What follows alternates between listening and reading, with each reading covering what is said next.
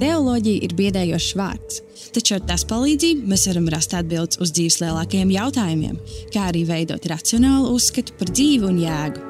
Jēzus teica, jūs zināsiet patiesību, un patiesība jūs darīs brīvus. Tāpēc šī podkāstu mērķis ir vienkāršs - aizsniegt katru, kurš grib rakties dziļāk Bībelē, garīgi augt, izaicināt sevi ar jauniem viedokļiem, un pats galvenais - zināt un izdzīvot patiesību.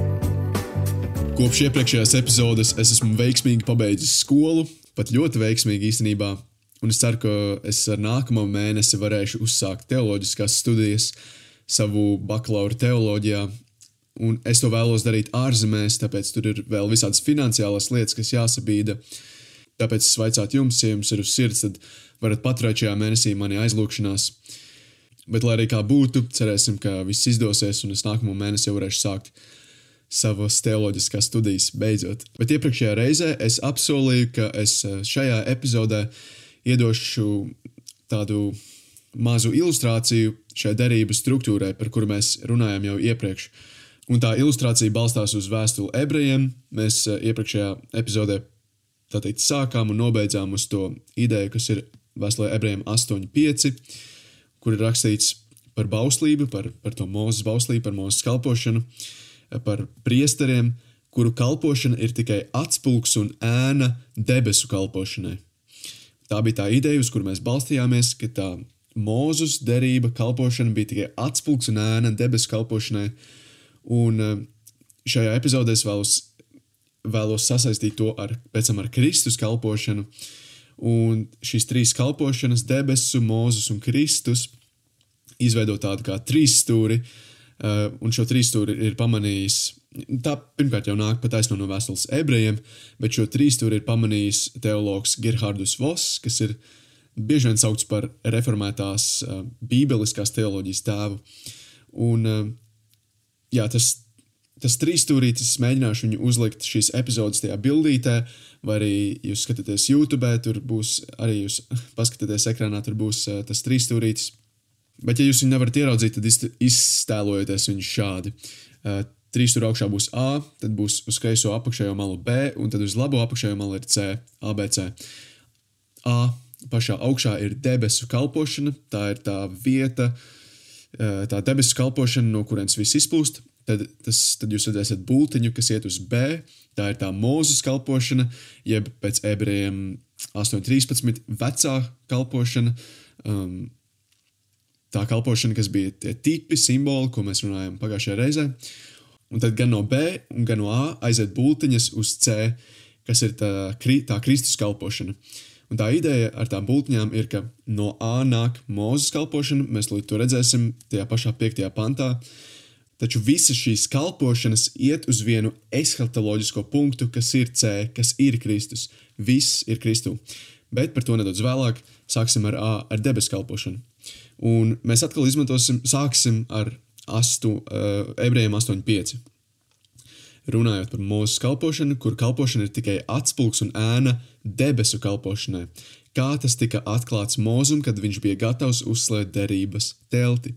Tātad, tad, kad Mūzus, Mūzum atklājās Dievs eh, tajā kalnā, viņš viņam parādīja atspulgu un ēnu debesu kalpošanai. Tā derības telts, eh, uz ko viņš atsaucās šeit, Vēstules ebrejiem autors, uz, otrā, uz otro mūzus 25. 25.40. Raugi darina tieši tā, kā tev tika parādīts kalnā. Mūzum tika parādīta debesu kalpošana, un viņam pēc šīs paradigmas bija jātaisa telts, un viņš to arī darīja. Bet mēs, vēstules ebrejiem autors, mums pasaka, ka tas bija tikai atspulgs un ēna debesu kalpošanai. Un tas jautājums, kuru es jau pagājušajā reizē risināju, bija, kāpēc vecā kārtība nebija pietiekama? Kāpēc viss nevarēja palikt pie B? Kāpēc, ja Dievs atklāja to B, to mūsu kalpošanu šeit uz zemes, āžu, buļļu, nokaujamo upuru kalpošana, kāpēc tā nevarēja palikt? Un uz šo jautājumu atbild vēstules ebrejiem autors 7. pantā. Ja pirmā derība būtu bijusi bez trūkuma, tās vietā nebūtu meklējat, meklēta cita. Ja pirmā derība būtu bijusi bez trūkuma, tās vietā netiktu meklēta cita. Tātad kaut kāds trūkums šajā pirmajā derībā, ja mūsu kalpošanā, B, ir.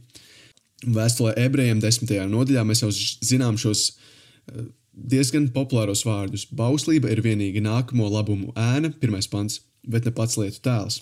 Tas bija par ko mēs visu laiku runājam. Ne? Bauslība ir vienīgi labu, nākamo labumu ēna, bet ne pats lietu tēls ar vieniem un tiem pašiem kaujamajiem upuriem, kas ik gadu pastāvīgi tiek pienesti. Tā nespēja darīt pilnīgus tos, kas, kas ar tiem nāk.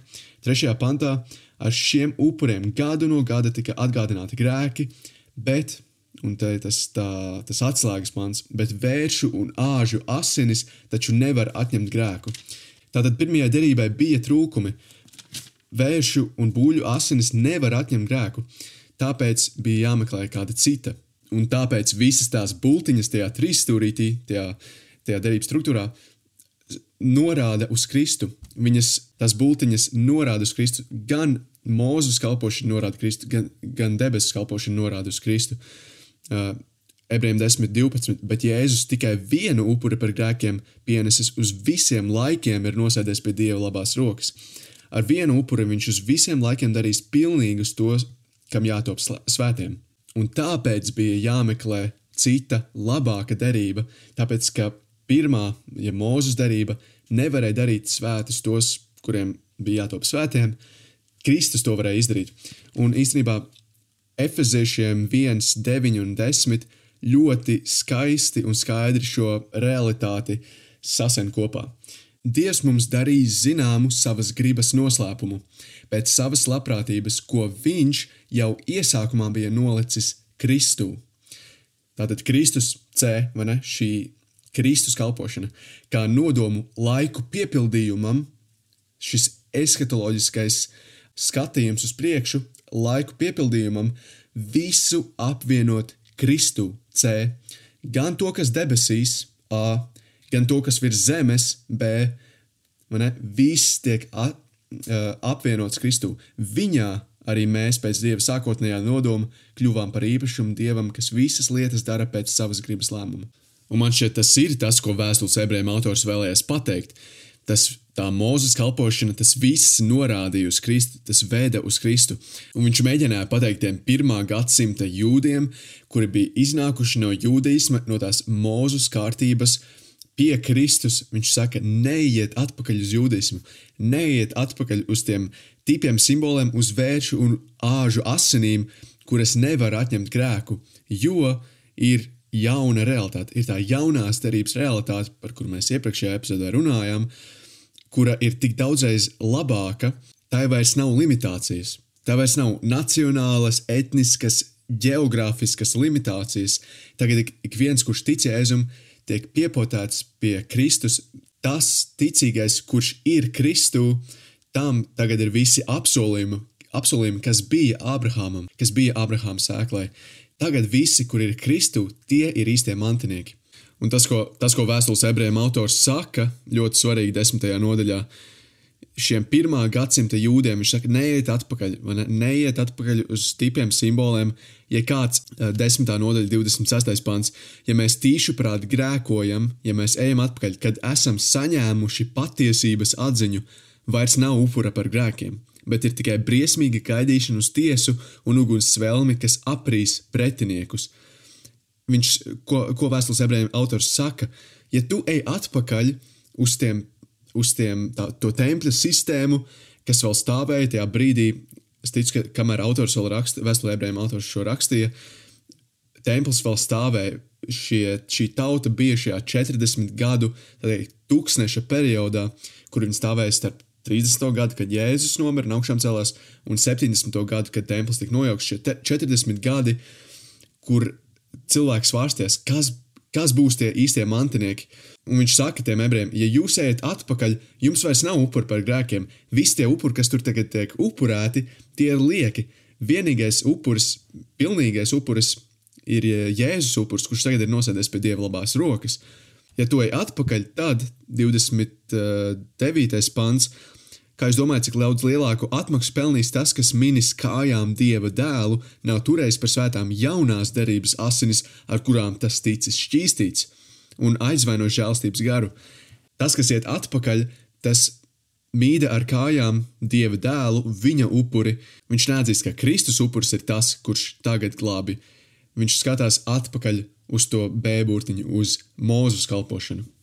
Un šis ir tas interesantais uh, devi, 9. nodaļā, 23. pantā, ko īstenībā saka arī pats Gerhardus Voss, uh, 9. nodaļa, 23. pants.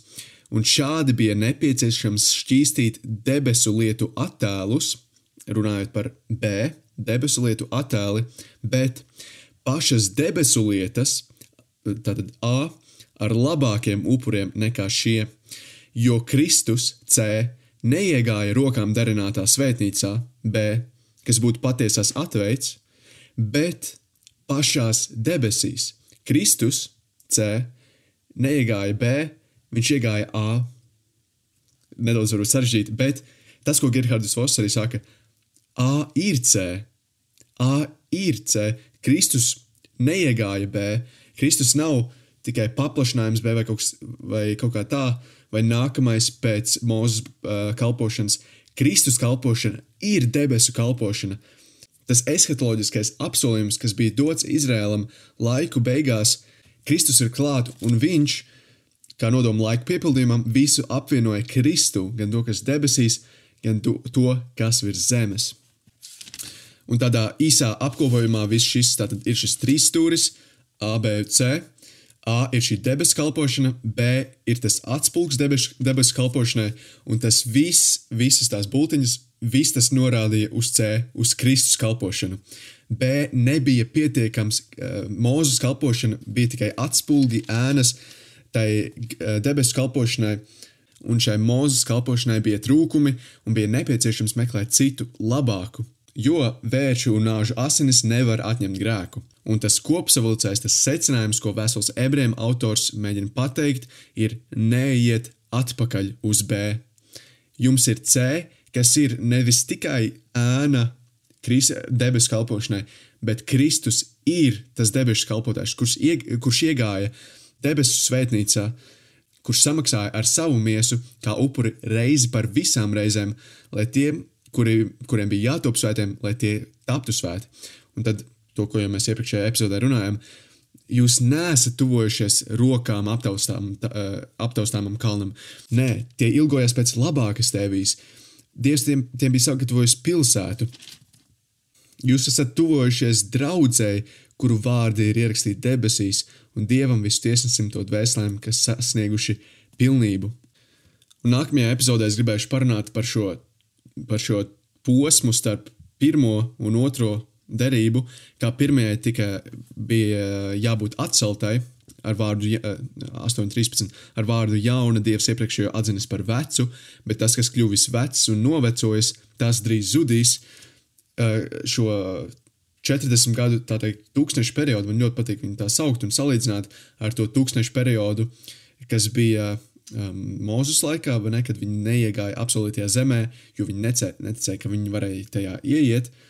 Un tad šo 40 gadu tūkstošu periodu, kurā vēstules ebrejiem autors raksta, kad cilvēki gaidīja, kas tad notiks ar to vecās darības sistēmu. Un par to nedaudz nākamajā reizē, cerams, nākamajā izņemoties, izdomāšu, ka vēl kaut kas šeit ir jāiestarpina. Pašlaik es pielikšu punktu šai epizodē.